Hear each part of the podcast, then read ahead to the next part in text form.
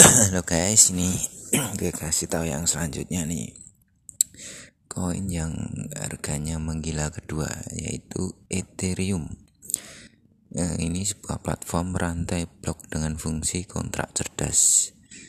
Nah, Ethereum sendiri mempunyai fungsi seumpama virtual machine yang boleh menjalankan kontrak cerdas peer-to-peer dengan uang kripto Ether.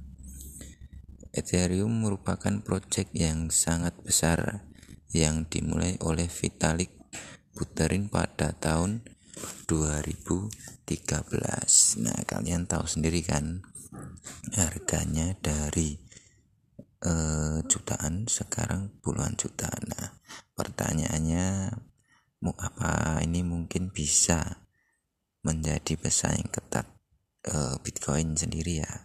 Karena harganya setiap hari hampir naik terus. Hampir ya ya kadang ada turunnya sih